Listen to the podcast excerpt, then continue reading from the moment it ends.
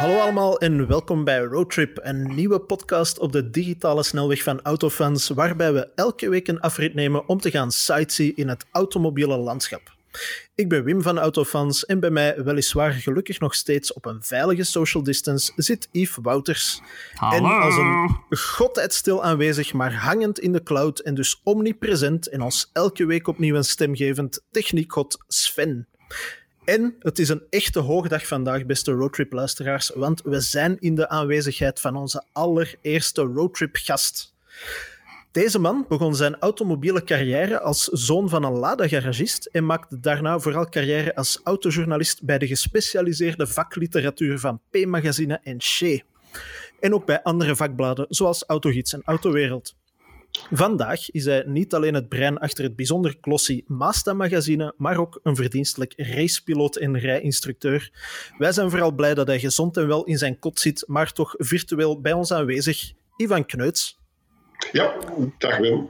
Dag hallo, hallo. Ivan, wacht, wacht, wacht. Meteen een stap terug, want ik vind Wim zijn intro is altijd geweldig. Zoon van een Lada en, en toch in een automobiel belanden. Ja, eh, bij wijze van therapie moet dat geweest zijn. Eh, eh, nee, goed. nee, inderdaad, mijn vader was een eh, garagehouder die eerst alle merken deed, alle onderhoud en depannages. Mhm. En dan op een mooie dag Lada-dealer is geworden. Oké, Heel op- kort. Op, hij een is dacht, omdat op een gegeven moment dacht van, bon, al die merken, dat is, dat is, we gaan eens Lada nemen. Dat is Ja. het merk om te Ja. gaan. Ja. Ja, er kwam altijd iemand aan eh, de benzinepomp eh, vragen van wil u ook Lada's verkopen? En op een bepaald moment heeft mijn vader gezegd, oké, doe ik. Ongelooflijk. Heeft hij dat lang gedaan op zich? Lada's, eh, Lada-dealer geweest? Ik denk een jaar of vier, vijf. Ah, oké, helemaal niet zo lang eigenlijk. Nee, helemaal niet zo lang. eh. hij is dan ook gestopt met zijn garage achteraf. Is dat, is, dat, is dat door de Lada? Of? Eh, nee, een, een beetje samenloop van omstandigheden. Maar eh, laten we zeggen dat het En- wel een, eh, een boeiende periode was, de Lada-periode. Ah, heeft hij ooit een Lada Sport verkocht? Nee, nee, nee, nee, nee, nee. nee. Eh, geen tennisballen. Nee. Ehm, Ik wou net zeggen, Yves, ik wil u daar altijd even onderbreken als je de Lada-mopjes gaat bovenhalen. Eh, ik heb tien jaar doorgebracht op de achterbank van een Lada. hè. Dus eh, Maar wacht, is, is die Lada dan gekocht geweest bij de vader van Ivan of niet? dat denk ik niet. De, ik, ik neem aan, Ivan, dat de, de garage van uw vader ergens in de Antwerpse Kempen was? Of de, nee, in Dist. In Dist? Ah ja, Dist. In Dist aan het inderdaad, ja, ja. station. En om op de tennisballen in te pikken, een eh, zeer goed verkopend item was een achteruitverwarming op de Lada. Ah, kijk, voilà. Dan kregen de mensen die moesten duwen geen koude handen. Ik hoop dat onze techniekgod Sven hieronder zo'n mooie drumroffel monteert straks. nee, maar Oh, heb je eigenlijk eh, een speciale band met Lada's? Want ik heb ook al... Hebben mensen on- ons daar tien jaar mee uitgelachen met die Lada. Ik heb er nog altijd een zekere genegenheid voor. Je ziet dat bijna nergens meer natuurlijk bij ons. Ik heb gisteren nog wel een Lada Niva gezien. Maar eh, als ik zo'n foto zie passeren van die hoekige Lada's, dat doet mij altijd nog wel iets. Dat roept altijd wel een zekere nostalgie op. Maar ik kan niet zeggen dat ik er een zekere band mee heb met die auto's, maar eh, vorig jaar had ik het geluk dat ik bij Guy Moerenhout een aantal eh, Lada's mocht rijden, een paar rally-Lada's. En eh, ja, dat was dan toch wel, eh, ja, toch wel leuk. En dan kwamen er toch wel heel veel herinneringen terug aan eh, de auto's die mijn vader verkocht. Ja. Waren dat eigenlijk goede auto's? Die Lada rallywagens, betrouwbaar en, en tof om te rijden? Of? Ehm, wat de tofste die ik toen bij Moerenhout heb gereden, dat was een, eh, eigenlijk een, een replica van eh, een groep B rallywagen. Maar dat was een moderne auto, dus dat was wel heel tof. Maar eh, ja, de Lada's waren heel rudimentair. Mhm. Ehm, het was ook zo dat eh, die auto's die werden ingevoerd, en dat werd dus allemaal ja, op transport gezet, die kwamen hier aan. En op een bepaald moment was de 1500S, het was het topmodel, die werd in eh, bruine kleur met een beige interieur verkocht. Uiteraard. En dan waren die mensen die waren heel, heel, heel blij. Die wachten op een auto. En dan komt die van een transport. En dan was dat die een donkerbruine met een eh, rood Sky interieur. Oh. En dan moest er gebeld worden naar Lada Indigem. En dan eh, gingen ze daar rondkijken. En dan vonden ze een bleekblauwe met een beige interieur. En zij braken uit en mijn vader brak uit. En dan werd dat dus gewisseld. Nou ja, ik bedoel, dat is, Dus dat was twee iets dat regelmatig vijzen, dat is gebeurde bij gewisseld. Lada. Ja, ongelooflijk. Ja. Nu ja, dat is wel zo. Allee, dat is niet enkel bij laden dat zo'n dingen gebeuren. Ik bedoel, de verhalen zijn legio dat. Ik ga geen merken noemen, dat bij Opel um, Astra's geleverd werden, waarbij dat aan de ene kant um, een sportbiezen hing en aan de andere kant, wat, hoe heette dat, luxury of, of, of zo? Elegance of zoiets. Elegant, ja, zoiets. Ja. ja. dat die gewoon twee verschillende... Dat ze ook moesten wachten tot de volgende kwam om het te kunnen switchen. Ja, dus ik herinner mij wel, onze Lada in der tijd, dat was zo de periode dat, dat je nog maar één achteruitkijkspiegel moest hebben. De tweede aan de passagierskant was helemaal niet verplicht. Dat ons vader dat waarschijnlijk eind jaren 80 toch uh, is gaan vragen in de garage en dat dat ook letterlijk gewoon twee minuten werk was. Hè. Zo spiegel erop, vijs erin en dat was klaar. Dus, uh, ja, ik, ik, blijf daar warme herinneringen aan overhouden. Sorry, Ivan. Ja. Dat was heel gemakkelijk. Dat was bij elke auto zo. Hè. Dus uh, vroeger... Ja Mijn vader zei altijd eh, met een, uh, een platte en een uh, kruisturnevis en uh, een 12, 13 en een 14, 15 kun je een auto herstellen. Voilà. En als dat niet lukt, een rollijzerdraad. en dat was ja, het recept van een goede garagist. Ah, voilà. Ja, ja dat is waar. Dat is waar.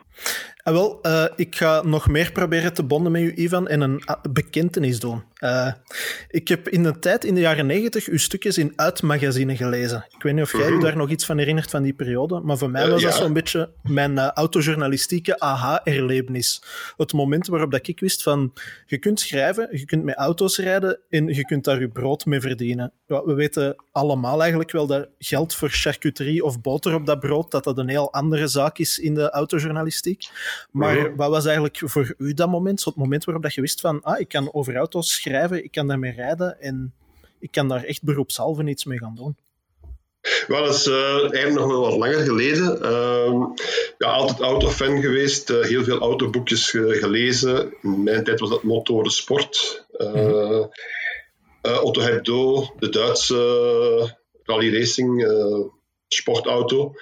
Ja. En dan uh, ja, was ik aan het studeren. Ik heb uh, toegepaste communicatie gestudeerd. Moesten we een eindwerk maken. Mm -hmm. En dat ging dan natuurlijk over de Vlaamse autobladen. Daar bewoog op dat moment een en ander. En uh, ja, zo ben ik er eigenlijk ingerold.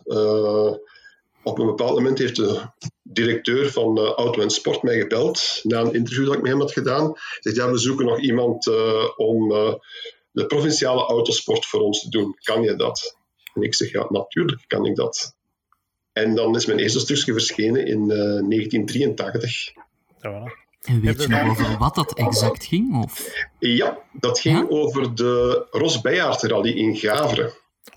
Ongelooflijk, ongelooflijk. Ja. En okay. die is geëindigd in een uh, secondenstrijd tussen Frank Broekhaart en Gert Doren. En die is op één seconde gewonnen door uh, Frank Broekhaart. Dat klinkt een beetje alsof dat, dat stukje in uw bureau ergens nog ingekaderd aan de muur hangt. Of vlak voor hem waarschijnlijk, hè? Ja, nee, nee, nee. Uh, met mijn geheugen gaat het nog redelijk goed. Dank u, jongens. ja, blijkbaar beter van, dan die van mij, want ik heb geen enkel idee. Ah, wel, ik wou net vragen, Yves, uh, maar wat was voor u uw autojournalistieke aha-erlevenis? Het moment waarop dat je dacht van, hé, hey, misschien zit hier wel een... Uh, een job uh, ik ben, nog, ik ben nog tamelijk jong, hè. Laten ons daarop houden. en ik ben eigenlijk afgestudeerd net in de, de economische crisis, mm 2008, 2007. Um, in iets totaal anders, meer marketinggericht. Allee, eigenlijk meer um, visueel gericht. Hè. Ik bedoel, al de, de photoshops van deze wereld. Um, en ik kwam tot de vaststelling dat alle reclamebureaus, dat het daar niet zo goed ging. Dat de tijden van de cocaïne en de dames van lichte zeden wel wat voorbij waren. Um, en waar je dan nog kon starten, daar ging het, ja, daar mocht je gewoon wat uitvoerende zaken doen. Eigen creativiteit was eigenlijk niet van tel. Um, en ik ging toen nog naar school in Antwerpen en ik nam de trein. En ik weet toen dat ik heel veel aan het schrijven was toen, om, om ik weet niet, een soort van, van woede van mij kwijt of van mij af te kunnen duwen. En dat ging vrij vaak over auto's. En ik mhm. volgde toen een paar media en ik las een paar magazines al wel. Um, en ik heb toen eens een stuk doorgestuurd naar toen Autofans, het kleine petiterige Autofans. En ik heb meteen een mail teruggekregen dat dat op niks trok. En, en dat ik alles moest wissen en nooit meer contact moest opnemen. Um, en ik ben eigenlijk blijven sturen tot op een punt dat ik denk dat ze mij uit medelijden een soort van... Allee, kom jongens, het is goed. We zullen dat online zetten als een gastbijdrage. En toen is er wat een bal aan het rollen geraakt. En ik heb eigenlijk nooit de link gezegd, uh, gelegd in de zin, ik had wel iets met auto's.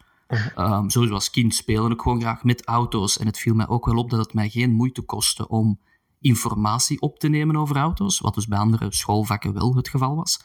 Um, en ik las ook wel heel veel andere soorten magazines, de humors van deze wereld, de P-magazines van deze wereld, ook van die gaming-magazines. En ik heb nooit de link gelegd, dat, dat, dat liep altijd naast elkaar. Mhm. Dus ik heb nooit de link gelegd dat de twee kunnen verbroederen en dat je dus inderdaad over auto's kunt schrijven. En ik ben daar echt gewoon ingerold. Zo simpel is het. En, en ik denk dan, dus ik ben gestart met een gastbijdrage maandelijks voor autofans. Mhm. Ehm, en dat is dan blijven evolueren tot op een punt dat ze zeiden van ja, misschien kunnen we dat wel regelen dat dat uh, halftijds wordt. En ik ben toen gaan samenzitten met Olivier, onze grote baas. Um, En ik ging daar zitten toen. En hij zei ook van ja, maar als we dat gaan doen, dan doen we dat ineens fulltime. Wat wilde verdienen? En ik weet dat ik toen totaal geen idee heb, want je hebt zo een gameplan van oké, okay, halftijds kan dit gewoon, of van je moet ik inspringen en dit wil ik verdienen. En dan zegt een onnozelaar, het is ineens fulltime, wat wilde verdienen? Dus je hebt totaal geen idee wat je moet zeggen dan. Is dat 7000 euro? Is dat 8000 euro? Is dat een brood en een half ei? Um, en zo ben ik erin gerold en ik heb totaal geen idee wat dat mijn eerste artikel was. En ik ben er te stelligst van overtuigd dat dat ook op niet veel getrokken gaat hebben. Zijn er uh, auto's die bij jullie zo die klik hebben doen maken van... Dat, dat triggert mijn, mijn journalistieke interesse, of dat triggert mijn, mijn interesse voor auto's misschien wel wat meer. Uh, want ik zal zelf ook misschien snel even een concreet voorbeeld geven van een van uw uitstukjes, Ivan. De Lotus Elise is voor mij op dat vlak zoiets geweest. Ik weet zelfs dat het een donkerblauwe of een donkerpaarse was. Mm Waarvan dat de foto's in het magazine stonden. en dat wist... Een beetje eng, beetje eng aan het Ik weet het, en gelukkig zitten we op een veilige afstand van elkaar. maar uh, ik wist van, dat is een auto die kost minder dan een miljoen frank en toch gaat dat ding snel. En dat was zo voor mij een trigger van... Dat boeit mij, ik wil daar meer over weten. Hoe zit dat in elkaar? Uh, zijn, er, zijn er auto's die bij u zoiets hebben veroorzaakt? Uh, auto's niet meteen, omdat ja, ik ben ook gestart in de, in de autosport. Mm mijn grote droom was uh, autoracer worden. Mhm. En uh, ja, geen geld, geen middelen daarvoor. En dan, uh, ja, dan nemen we de plaats uh, op de tribune in. En dan, ja, autojournalist worden of autosportjournalist, dat was dan voor mij zo. Ja, ik had dan het privilege om uh, de mensen waar ik altijd ging naar kijken, om die echt te ontmoeten, om te gaan babbelen en al. En uh, mee in dat wereldje te gaan. En eigenlijk ben ik ja, gaandeweg, uh, omdat ja, mijn taak bij Auto en Sport was buiten het provinciale autosport, een beetje helpen op de redactie, een uh, archief uh, klasseren, vuilbakken buiten zetten, dus de klassieke dingen. koffie zetten. koffie zetten en dan was het, ja oké, okay, er moet eens een auto getest worden of er moet eens een presentatie gedaan worden, kan je mee naar... wat die herinner ik mij nog heel goed, dat was de presentatie van de Lancia Prisma Turbo Diesel in uh, Milaan. Dat klinkt als een auto die je nu even moet googlen, Yves. De Lancia Prisma. Ik ben echt niet bezig. Waarom zegt jij nu zo'n dingen? Dat ben ik helemaal niet aan het doen. En wat geeft dat als resultaat, de Lancia Prisma, Yves? Is dat, is dat ook niet... Beschrijf het in je eigen woorden. Maar is dat, hoe, hoe verhoudt zich dat tot, uh, tot een thema? Uh, dat is uh, eigenlijk een Delta met een koffer. Oké. Oké, oké. Dus dat is de, de moderne, of de, de klassieke interpretatie van. Oh, wat heb je tegenwoordig in dat segment nog met een koffer? De i30 Fastback. Ongeveer. Nee. Toch? Nee? Nee, een koffer, hè? dus echt een koffer. Dus uh, zoiets wat er van achteraan hangt om valiezen in te zetten. Ja, dat hebben we, dat hebben we nu niet meer hè? in ons Belgeland eigenlijk. In dat segment. Niet veel niet meer. De, ja, de klassieke Berliner is nu een Passat Berliner of zo. Dus de auto's waarbij het pols spontaan gaat geven. Maar uh, de, de Lancia Prisma, dat was uh, turbodiesel, dat was mijn eerste presentatie. Mm -hmm. En ja, dat ik kom daar mensen tegen die ik, waar ik de namen in boekjes heb gezien uh, of in de kranten. En plots -hmm. word ik daaraan voorgesteld. Uh, de PR toen was Philippe de Barcy, die helaas uh, onlangs overleden is. Mm -hmm. En ja, ik was niet op de hoogte van de geplogenheden. Dus de paringsdans die in het vliegtuig gebeurt, dat je een partner gaat zoeken om mee samen te rijden. Wat gebeurt er? We komen aan op een parking in Milaan en iedereen vliegt naar de auto's. En ik stond daar en ik vroeg dan in mijn beste Italiaans, of uh, wat ik moest voor doorgaan, mag ik er ook een auto nemen? Dus ik ben dan vertrokken en dan, uh, ik heb heel het parcours op mijn eentje gedaan. Rustig die auto opgewarmd en uh, die was net warm, sprong Specific vlak voor mij, ergens aan een restaurant, moest ik stoppen, eten. dan zaten we twee uur aan tafel ongeveer en dan terugrijden. En tegen dat die motor terug opgewarmd was, dan waren we aan het hotel waar we moesten zijn. En dan, uh, ja, persconferentie. En dan, uh, ja, dacht ik van, tja, wordt het nu de rest van mijn leven? Een restaurant, een restaurant rijden. En, ja, zo blijkt. Ongelooflijk eigenlijk. Zo'n beetje. Gelukkig ben ik autosport een beetje blijven combineren met, uh, met ja. autojournalistiek. Ja, uh, wel, uh, het thema er, ik moest er daarnet even aan denken toen uh, Yves het had over cocaïne en dames van lichte zeden. Ik heb mij dat ook lang afgevraagd, Ivan, hoe dat het was om te werken voor P-magazine in Shea in de gouden jaren. toen, alles, toen er nog budget genoeg was, wat toen er van de economische crisis... vraag, wie, wat is meer die vraag? Maar ik wil het ook wel weten. Ik wil ja, wel, het is ik wist het even, ik wist het. wel, ja wat happened op de Oude Leeuwen steekt op de Oude Leeuwen en het gebouw is meteen ook plat gegooid nadien. Dus uh, dat is een beetje alles ja, de alles van de aarde die we toegepast hebben. Nee, het, is, het is vooral omdat uh, een kameraad van mij uit, uh, uit de, de benches in de muziekwereld, die heeft een tijd als muziekjournalist voor de P-magazine gewerkt. En zo ook net voor de crisis uitbrak, en die heeft mij daar ook zo wel wat verhalen over verteld. En uh, toen het daar net over de reclame in de crisisjaren ging, moest ik er ook aan denken. Ik ben ook altijd in die sector gerold, maar na de gloriejaren. Dus ik heb de reclame gedaan toen, uh, toen de crisis uitbrak in 2008. Ik ben in de journalistiek gerold toen er geen budgetten meer waren na de crisis. Uh, maar ja, die periodes daarvoor, er worden zoveel verhalen over verteld. En ik stel me er altijd zo van die Royal Lancaster-achtige scenario's bij voor. Ja, is, het, weet... is het echt zo extreem of, of wordt het nu een beetje mooier gemaakt dan het toen wel was? Of, of was het toen echt wel veel mooier? Maar, uh ja, elk tijdperk heeft zijn eigen voor- en zijn eigen nadelen. En, uh, Maar ik denk wel dat we een. Uh, ja, als ik als jonge journalist begon, dan hoorde ik de verhalen van mijn voorgangers, uh, illustere voorgangers, zoals André van Steenkisten, die, bij, ja, die in de jury van de auto van het jaar zat. Mm -hmm. Dat was dan nog eens ja, dat was de Champions League van de, van de autojournalisten. Mm -hmm. En um, dan is de term ontstaan, de Kamer van Van Steenkisten. Dus als je in een kamer binnenkwam die drie keer zo groot was dan je eigen huis, dan had je de Kamer van Van Steenkisten. ja, ja, ja. Voilà. Ja, ja, om nog, uh, misschien nog even terug te komen, ik ga er niet over zwijgen, over uh, die stukjes in het magazine. Ik, ik was er te straks nog over, over aan het nadenken, over de Lotus. De Donkervoort herinner ik mij daar ook van. Dat was ook een merk dat ik daardoor heb leren kennen, want dat passeerde... Uh, ik denk dat dat zo'n soort supercars of, of, of zo wat meer de sportieve auto's waren die eens om de zoveel tijd aan bod kwamen.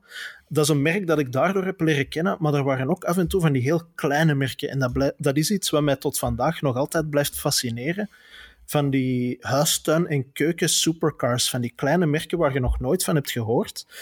Die pakken groots uit met een waanzinnige supercar. Tegenwoordig is dat 1000 pk van een hybride aandrijflijn, 2000 pk van een, een elektrische auto. Maar ik denk dat er bij u ooit eens iets gepasseerd is van een, een Novia heb ik daar straks opgezocht. Dat is zo een of andere Porsche 917 replica. Yves, jij moet nu al aan het googelen zijn. Mm -hmm. Ja, mm -hmm. ik heb het uh, ja maar dus uh, dat was mijn uh, fijne collega Tony de Mezel die daarmee gereden ah, heeft. kijk, dan moet ik mezelf corrigeren. Nee, dus dat was geen aardige wat ik mee gereden heb, maar dat was een Spaanse supercar waar dat, Tony meegereden heeft. Ja, wel, maar vooral omdat jij toch al enkele jaren meedraait, hoe kijkt jij naar zo'n dingen? Zo van die fenomenen als een onbekende constructeur pakt ineens uit, meestal is dat op het Salon van Genève, uh, met iets waarvan tien exemplaren gebouwd gaan worden en het gaat het snelste ooit zijn en het beste ooit en het gaat 600 kilometer ver geraken op één batterij en na een jaar hoorde daar niks meer van. Is het een persoonlijke vete tegen Spiker of zo, Wim? Of, of waar gaan we naartoe eigenlijk? Nee, niet zozeer, maar ik heb op het afgelopen autosalon even gepraat met die mens van Gentil. Dus die stonden daar ook met de, mock-up, de, mock van de Aquilon. Mhm. en, Mhm. en die beloofden ook hetzelfde verhaal van ja, ik heb, ik heb met de oprichter van Gentil, ja, ik heb er heel veel contact mee en dat gaat toch iets waanzinnig worden. En ik heb er altijd het idee bij van, we zullen wel zien. We zullen over een jaar nog eens praten en we zullen zien waar dat je dan, of waar Dat is- jullie dan ja. staan. Dat is Ik eigenlijk het klassieke. Dat was, dat was vroeger op het Salon van Genève ook. Al die Ja, voilà. droomauto's die er stonden. En dan was het oké, als die het volgend jaar nog staan, dan kunnen we misschien nog eens gaan babbelen en eens zien hoe dat het is. Eh, een van de mooiste voorbeelden met, eh, ja, dat was eh, een enorme show. Dat was de Cizeta Moroder. Ja, daar hebben we het vorige week nog over gehad, denk ik. Ah. Ja, zo- Zo'n Ja. afwijking hebben En wij dus inderdaad, eh, dat klopt. Giorgio Moroder had er dan een eh, muziekje bij gecomponeerd. Dus eh dan kreeg een cassette. Mhm. Een klein cassette. Met dus de muziek van eh Moroder. Erop. Speciaal voor de auto. Ik denk dat ja, de cassette meer afgespeeld heeft dan dat een auto gereden heeft. Want eh er is niet veel van terechtgekomen.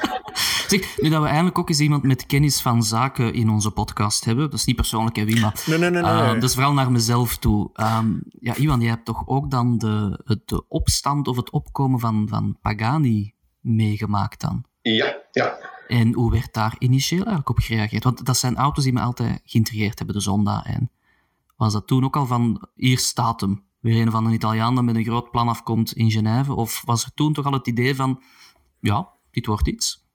Ehm, ja, meer dan laatste. Omdat ehm, je ziet die auto staan. Mhm. En eh, de Zonda.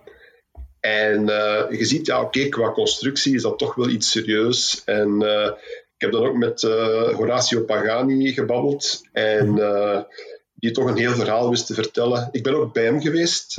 ik heb met een auto gereden ehm, bij Pagani. En ja, het was een kleine constructeur, maar iemand die heel interessante dingen deed. Die vooral ook eh, zeer, zeer met het materiaal, carbon fiber, bezig was. Racerij. ja, maar die maakten ook sulkies voor eh, paardenrennen en dat soort dingen allemaal. En ehm, ja, ik heb dat zien groeien en ja, dat is toch een, een blijver. Mhm. Dat was zo van, oké, goed, dat, die eerste auto zag er goed uit. Dat waren geen wilde, of wilde fantasieën zoals die 16-cilinder van, eh van Zampoli. Maar eh, ja, goed, je ziet, ze maken niet veel auto's, maar ze blijven toch en ze blijven toch op de markt. Ja. Ja. Ja, wel, ik heb inderdaad zo ook een beetje dat, dezelfde bedenking bij Donkervoort. Dat, is, dat zal ook begonnen zijn als, als, als eh, ja, kleine constructeur of importeur van K-trams en dan zijn eigen ding daarmee beginnen bouwen. Maar dat is uiteindelijk ook wel iemand die al 30, misschien zelfs al 40, dat wil ik nu even kwijt zijn, jaar bezig is en nog altijd zijn eigen ding blijft doen in kleine oplages. Maar Mhm. ja, dat, is, dat zijn wel merken die nu echt gerespecteerd worden. Hè? Ja, dus eh, ja, hoe lang dat hij precies bezig is, dat weet ik nu ook niet. Heel lang, want eh, ik was nog een, eh, als een jonge blaar, als ik pas eh, fulltime als autojournalist bezig was, ben ik naar Donkervoort gegaan om toen met de S8 te rijden. Mhm. Dus nog met een, een Ford-motor. En dat was eigenlijk het leuke, dat was een, eh, een gewone simpele Ford-motor en eh, een lichte kast er rond. Hij was iets groter dan een Caterham en dat deed fantastisch. En eh, nu heeft hij een heel mooi gebouw staan, maar toen zat hij in een grote schuur aan de Nieuw-Loosdrechtse plassen, in de buurt van Hilversum. Mhm. En eh, dat hij zijn klein bureau en eh, dat stond er vol met auto's, de ene naast de andere. In ja, wat vroeger een, een of andere toch wel mooiere schuur was, maar het was een schuur. Ja, ja dat, dat blijft bij mij toch altijd charme oproepen. Van die, van die artisanale constructeurs die echt ja, vanuit een schuur opereren en, en daar dan toch in slagen om, om effectief iets uit te bouwen. Daarom heb ik een Citroën Cactus gekocht. ja. Maar heb jij een schuur? Yves? Nee, maar zij hebben, dat, zij hebben dat volgens mij gebouwd in de schuur. Maar dat is een andere discussie. als schuur. Maar dat is een heel andere discussie. Maar goed. Is dat, niet, ja, is dat niet die auto waar dat je zo een bal hooi en een krat eieren in moet kunnen vervoeren? Of is dat een 2pk? Ja, dat is hetzelfde. Het zou moeten kunnen. Het zou moeten kunnen. Ja. Wat staat er in uw wagenpark eigenlijk, Ivan? Eh, als ik zo vrij mag zijn om te vragen. Eh, ah, wel, ik rij met een heel boeiend vervoermiddel. Eh, ik rij al een aantal jaren met een Lexus CT200 hybride. Oké. En eh, dat is eh, voor mij een, een goed vervoermiddel. Niet de auto waar ik van wakker lig, maar eh, toch, hij doet zijn dienst. Dus ik, wat betreft eigen auto ben ik vrij, eh, vrij nuchter. Ja. Ik denk dat we dat allemaal wel een beetje hebben. Allee, ik heb nu op dit moment geen eigen auto, maar ja, Mhm. Yves, als je de, de sportstrepen wegdenkt en de achterbank terugmonteert, dan is uw jaar is uiteindelijk ook... Eh, ik, ja, ik, vind, normaal, ik vind ook wel, ehm, en vaak als je dan zegt welke job dat je doet, dan denken mensen altijd meteen van, ah, dus allee, je hebt Porsches en Ferraris thuis staan. En, en ik, ik- ben van mening dat autojournalisten eigenlijk de slechtste auto's kopen, omdat wij zijn zo verwend dat wij continu met andere auto's mogen rondrijden, dat we wel tot op een punt komen. En ik heb medelijden, of medelijden. Ik vind het frappant dat er mensen zijn die zoveel geld kunnen uitgeven aan een sportwagen of een sportievere variant van een auto, om dat dan de komende zes jaar aan één stuk te moeten rijden en af te betalen. En, Ja. en dan denk ik, waarom zou, waarom zou ik dat nu zelf doen? Want allee, we hebben dat geluk dat we met al die auto's kunnen rijden. Dus ik wil vooral iets dat praktisch is, dat mij weinig kost en dat, dat blijft rijden. Zo simpel is het eigenlijk. Dus daarom denk ik dat eigenlijk de meeste autojournalisten een vrij saai wagenpark hebben. Ja. Ja, bij mij was het de, de aankoopreden van die auto, was, eh, ik moest er goed in zitten. Ah ja. Ja, met Oké. een meter negentig. eh, en ja, de zithouding is ongeveer het beste van heel die auto. Buiten het feit dat hij ook heel betrouwbaar is en dat hij mij nooit in de steek laat. Ja. En eh, ja, dus eh, dat was de, de reden van aankoop. Dus eigenlijk de, de kleinste Lexus zit perfect. Ja, voor mij zit hij zeer goed. Hm, Ja. hm, hm. Ja, dat is inderdaad, wel- want Japanners hebben zo meestal de gewoonte om, als je alles onder een meter tachtig zit, perfect in een MX-5 bijvoorbeeld, maar al, iedereen die er bovenuit komt, weet zich daar geen houding in te vinden. Hè? Maar voor Lexussen is dat, of Lexi, is dat blijkbaar... eh, Is het niet gewoon Lexus met dan Lex- een, een, Ah ja, het is Lexus juist. Er hebben tekentje? wel langs iets over geschreven, denk ik. Geen of enkele idee, van geen Lexus. Ja, Jij Iwan, kan jij geschreven. eigenlijk in, in een MX-5 zitten? Nee, dus. Eh, heel juist. Oké. Past, ja, ja, ja, dus ik heb geen overschot. Maar eh, nee, dus eh, Ja. dat is ja, eigenlijk. eh, Oké. Ik kan zelfs, ik heb voldoende ruimte om een TPU te doen als het nodig is. En Mhm. eh, ja, maar ik heb geen overschot, dus ik moet Nee. niet eh, beginnen rond te draaien in de auto, dat niet. Maar Het eh, is om te letterlijk- rijden is het perfect. Het is letterlijk als gegoten. Ja, als gewoon. Oké, ja, maar dat is top, hè? Ideaal, hè? Ja. Mhm. Maar eh, waar, waaruit bestaat uw autosportcarrière vandaag nog eigenlijk? Want nu we het net over Mazda hadden, ik, als ik me niet vergis, heb jij ook een paar keer eh, de 24 uur van Zolder meegereden met, eh, met Mazda. Hè? Ja, één keer met, eh, met Mazda. Eh, Ja. Maar dus, eh, ja, Mazda had toen voor, eh, het is al lang geleden, 20 jaar eh, MX5, hadden ze het lumineuze idee om een race te organiseren eh, voor journalisten, landenteams met journalisten in Adria, in, eh, kort bij Venetië. Mhm. En de bedoeling was om daar naartoe te gaan dat we altijd mooi weer gingen hebben. Ook al was dat eh, ergens in februari. Ik voel Het het heeft verhaal. al keihard geregend. Heel de tijd. En eh, we hebben dat met het Belgische team gewonnen. En dan het jaar nadien, omdat eh, Mazda had zo'n goede return gekregen op eh, alle verhalen die overal ter wereld zijn verschenen, dat ze dus dat opnieuw deden. En eh, toen was het een ice race in Zweden. Op een ijsmeer, parcours van 7 kilometer. Een vier uren wedstrijd. En daar zijn we derde geworden met hetzelfde team. En dan om het helemaal af te maken, dan, eh, op het moment dat Mazda dan de Racing Stars, zodat ze jonge mensen de kans gaven om eh, autopiloot te worden. En eh, het tweede jaar daarvan had Peter Gemoets het lumineuze idee van we gaan daar ook die journalisten eens terug bij halen met een auto van die wedstrijden. En dan hebben we dan eh, onze klasse gewonnen. Ah, Oké. Maar werd er bij dat, bij dat ijsracen niet extreem veel brokken gereden? Dat viel eigenlijk nog goed mee. Ja, Dat viel nog goed mee. Dus, want uiteindelijk als je eh, journalisten van over heel, heel Europa samenbrengt... Allee, en op een ijspiste loslaat. ah, wel, het voordeel hè? is dat is heel breed. dat is waar. Dat is waar. Ja. Dat, is, dat is het voordeel. Het is heel breed. En eh, goed, je zit met 20 auto's en het was 7 kilometer lang ongeveer, het circuit. Ja. Dus eh, soms was je wel een beetje alleen aan het rijden. Dan is het Mhm. wel heel plezant. Maar, eh, en dan, ja, daarvoor heb ik dan eh, een paar keer de 24 uur gereden met een eh, Volkswagen Golf. Eh, van eh, Garage Philips in Opwijk.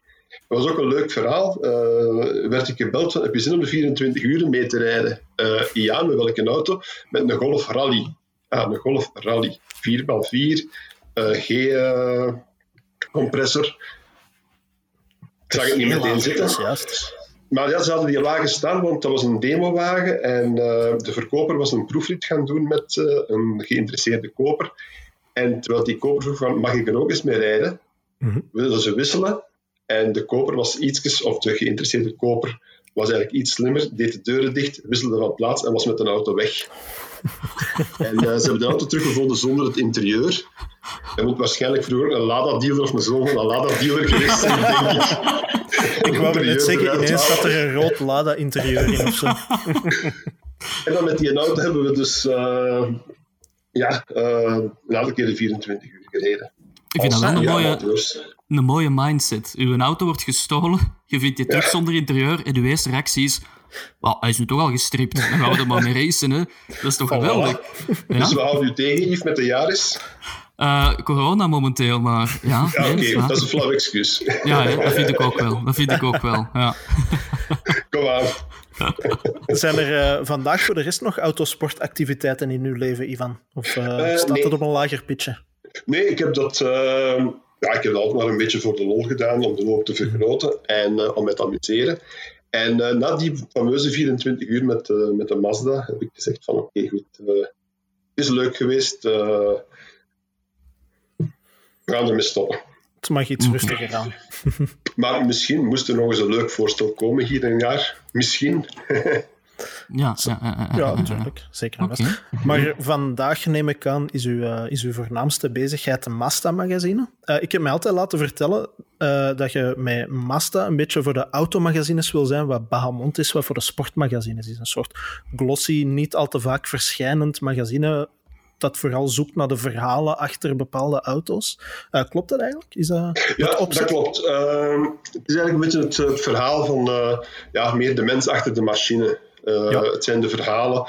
Ehm, inderdaad, de vrienden van Bahamontes, ex-collega's van, van P-magazine. Dat is juist, ja, dat was ik al vergeten. Ja. Die ja, hebben mij een beetje doen nadenken en zeggen: oké, okay, goed, de verhalen, ze liggen er maar ze moeten opgeschreven worden. Mm En uh, ja, zo beginnen erover na te denken. En dan, uh, ja, zij zijn dan met een grote groep begonnen. Bij mij is het nog altijd een eenmansproject met een paar mensen die, die ook bijdragen leveren. Maar uh, ja, het is een beetje op dezelfde leest geschoeid. toch wat invalshoek. We brengen het verhaal van momenten in de wedstrijd ja, verhalen van vroeger, maar ook gewoon auto, autosport, een beetje alles door elkaar. Ja. En het is, ja, het is magazine, maar het is eigenlijk een boek. Ik heb er toevallig eentje liggen. Heel toevallig. Compleet Schaamteloze product placement. Geen enkel probleem. Ah ja, een hardcover. Zie je, dus hardcover. Dus het is eigenlijk meer een boek, het is een uh, collectors item. En uh, ja, um, de bedoeling is dat op het einde van het jaar nummer 2 verschijnt. Ah ja. En, Daar wordt toch aan gewerkt. Dus, uh... Is dit nu, raar om te zeggen, maar zo de, de apotheose van, van uw werk, wat je altijd al wou doen, zoiets als dit maken? Is dit echt wat je zegt van, wow, uh, ja, het zijn de dingen die ik het liefste doe. Mm -hmm. oh, ja. uh, het, is, het zijn verhalen maken, het zijn uh, reportages maken. Ehm, ja, ook een beetje teruggaan naar vroeger, een beetje die nostalgie. Maar niet in mhm. het optiek van, oké, okay, vroeger was alles beter, maar oké, okay, goed, wat... ja, wie zijn ze, wat drijft hen? Hè? Dus ja. Daar zijn veel mensen groot mee geworden, ja, met die vragen. Nee, maar het is, het is gewoon heel, uh, heel plezant om te doen. En ook, ja. Uh, ja, als je de, de, evolutie ziet in de tijdschriften, het moet allemaal uh, op minder plaats. Dus het, is, het beeld ja. primeert, maar het beeld moet ook een beetje inkrimpen en het moet een beetje een compromis zijn. En dit was gewoon, oké, okay, goed, laten we er iets uh, mooi van maken, iets interessant, uh, leuk leesvoer voor de geïnteresseerden. Ja. -hmm. En, en allee, bon, ik, wil, ik wil Wim zijn, zijn, uh, zijn brood niet van tafel halen, maar waar, waar vinden Masta? Hoe raak je daaraan als je geïnteresseerd bent? Wel, Masta kan je bestellen op de website. De -hmm. website masta-magazine.be. -hmm. Naar de shop gaan en daar kan je het bestellen. Oké. Okay. Okay. Heel simpel. En dan wordt het opgestuurd. Blijkbaar, ja. Ook in deze tijden nog? Uh, ja, ja, ja. Okay. ja, Niet, ja, niet onbelangrijk. Dat is ook een beetje een bijdrage aan mijn fysieke conditie geweest. Want ik had uh, tijdens de lockdown had ik gezegd: Oké, goed, als er een bestelling is, dan breng ik het uh, te voet naar de post. Dat mm -hmm. is ongeveer van bij mij hier een kilometer of vier lopen. Dus in totaal is dat acht kilometer. Dus ging ik altijd te voet de Masta naar de post brengen. Dus, dus eigenlijk komt het erop neer, allee, hou iemand gezond en, uh, en koop, magazine. ja, voilà. Wel, het doet mij eigenlijk een klein beetje plezier dat je daarnet zei van ja, ik ben niet zo voor de vroeger was alles beter, uh, maar als je al ettelijke jaren staat van dienst hebt, wat zijn de dingen in een autosector vandaag die u nog blijven prikkelen? Ik ken persoonlijk wel wat mensen die zeggen van oh ja, de auto's zoals ze vroeger gebouwd werden, dat zie je vandaag niet meer. Het is allemaal zo generisch geworden, maar er moeten toch nog dingen zijn die het voor u vandaag nog altijd boeiend houden. Well, het is de evolutie die het boeiend maakte. Dus uh, mm-hmm. ja, eh, met wat gaan we binnen vijf jaar rijden? Ja. Gaan we nog rijden? Worden we gereden? Al die dingen. Uh, ja, autosport vind ik een beetje minder boeiend geworden. Het is een beetje, ja, een beetje te, ja, te afgemeten, te clean. Uh, er mag niet meer echt geraced worden. Mm als er iemand één woord wat hoger zegt dan een ander, krijgt hem een boete en dat soort dingen allemaal. Dus dat is niet meer, uh, ja, het zijn geen echte mensen meer. Ja. Zo lijkt het toch niet. Mm -hmm. we hebben dus ja, op één of twee uitzonderingen na hebben vandaag niet meer de karakters in de autosport die, die je vroeger had. Maar goed, uh, nee, qua auto is het ja, die evolutie wat. Uh, ja. ja. Zijn er zo van die, van die karakters die u blijven fascineren in de autosport? Waarschijnlijk van vroeger weliswaar, maar uh, van die figuren waarvan je zegt van dat was nu eens een, een heel boeiende mens om het verhaal van te weten of, of zijn carrière ja, te volgen. een van de eerste was, was Gilbert Stapelaar. Uh, niet toevallig staat er een heel verhaal in. um, nee, Gilbert was dan uh, fabriekspiloot bij, bij Ford. Uh, maar we werkten ook op de PR-dienst van, van Ford. Hij ah, was eigenlijk, eigenlijk, de eerste rallypiloot die een beetje algemeen bekend werd. Mm En dan als jonge journalist, ik kom dan ook in de autosector, autosport, ik kom Gilbert tegen die toen al gestopt was, maar die toen eigenlijk meer begeleiding deed van, uh, van jonge piloten. En uh, die vertelde eigenlijk heel weinig over al zijn belevenissen die hem zelf had uh, beleefd. En op een bepaald moment, hij was net met pensioen, of met terugpensioen. En toen had ik het idee van nou, de World Cup Rally van die 1970, een wedstrijd van Londen naar Mexico. Um, ja, toch iets heel, dat triggerde mij. Heb ik hem opgebeld en uh, zegt, ja, Gilbert, uh, heel voorzichtig aangebracht, zouden we daar misschien eens kunnen over babbelen. En uh, jongen, zegt hem, weet je dat ik ook de verkenningen gedaan heb? Ik zeg, nee, alles, ik kom eens af. Dan heb ik drie dagen bij hem in Braschaat gezeten en dan achteraf heeft hij mij een grote doos meegegeven met allemaal documenten. En ja, daar gaan we weer. Maar dus de weerslag van die documenten, dat waren de originele roadbooks en zo, die ze mee hadden, die staan allemaal in Masta nu. Maar dat is toch... Uh, maar dus, ja, was... Uh, ja. ja. En dan, ja, dan kwam het idee, dus ja, toen werden ook nog teksten door, met fax doorgestuurd. En hm. voordat het verscheen, dan was het van, ja, stuur toch maar eens even een fax dat ik het kan nalezen. Dus ik stuurde fax naar, naar Gilbert. En tien minuten later jongen, zegt hem, hij belde mij, jongen, ik zat precies terug achter mijn stuur. Dat mag zo door. en dan, dat, is, dat is wel het schoonste compliment dat je kunt krijgen. Hè? Ja, ja, dat was heel leuk. En dan zeg ik, ja, ik zeg, maar je hebt toch nog Londen-Sydney meegereden? Uh, maar helaas zijn we zover niet meer geraakt, want om uh, twee jaar daarna is Gilbert overleden. Ah, ja. En uh, wat was eigenlijk mijn eerste idee om een boek te maken over die marathonrallies hij had ze dus allemaal meegedaan. Dus Londen, Sydney, uh, Uh, de East African Safari, toen dat nog echt een heel avontuur was. Mm-hmm. En uh, ja, dat is helaas is dat er niet van gekomen. Maar dus ja, je hebt heel veel van die mensen hè, die, die wel iets te vertellen hebben. ja. Alright. Ja, je komt er zelfs nu bij de, de hij is nogal bij de ouderen, maar voor mij was dan de jongeren, de Freddy Loix en zo, die hebben toch een leuk verhaal te vertellen. Die, die vertellen ook iets. Uh, dan ja, de drie musketiers. Uh, Patrick Snijers, Robert Droogmans, Mark Duwé. Ja. Ook nog allemaal karaktersfiguren die elk op hun manier wel iets te vertellen hebben. Mhm. Die niet het, het, verhaal van ja, ik ben content dat de sponsor, bla bla bla bla bla bla. En ik dank het team en tot volgende keer. Maar echt mhm. dingen te vertellen hebben. Ja, De, de, echte, de echte mensen die hun eigen, hun eigen verhaal willen vertellen en, ja, zo niet te politiek correct eigenlijk. Voilà.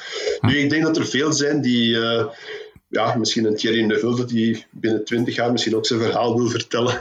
Maar uh, ja, nu is dat allemaal, uh, dat past Corporate. mee in de marketingmachine. Ja, voilà, die, die moet nu waarschijnlijk nog iets te hard luisteren naar de hoofdzetel. Ik bedoel, die moet zelfs een onnozele ja. oranje bril dragen hè, van de Hyundai. Dus allee, laat ons eerlijk zijn. En i20's uitbrengen met zijn naam op, met stickers. En oranje velgen. Right, heren, uh, ik ga een laatste vraag stellen om mee af te ronden. Uh, daar gaan we heel even mee terugkomen op onze podcast van vorige week. Ivan, vorige week hebben we het gehad over dingen die u irriteren in moderne auto's. We hebben het toen gehad over de spraaktechnologie, bijvoorbeeld van Mercedes en BMW. Uh, waarbij je dus hey Mercedes zegt en de auto dan antwoordt en u op alle mogelijke tijdstippen probeert te helpen, of dat je er om gevraagd hebt of niet. We hebben het ook gehad over massagefuncties van zetels, hoe dat dikwijls gewoon van die onaangename vuisten in uw rug kunnen zijn.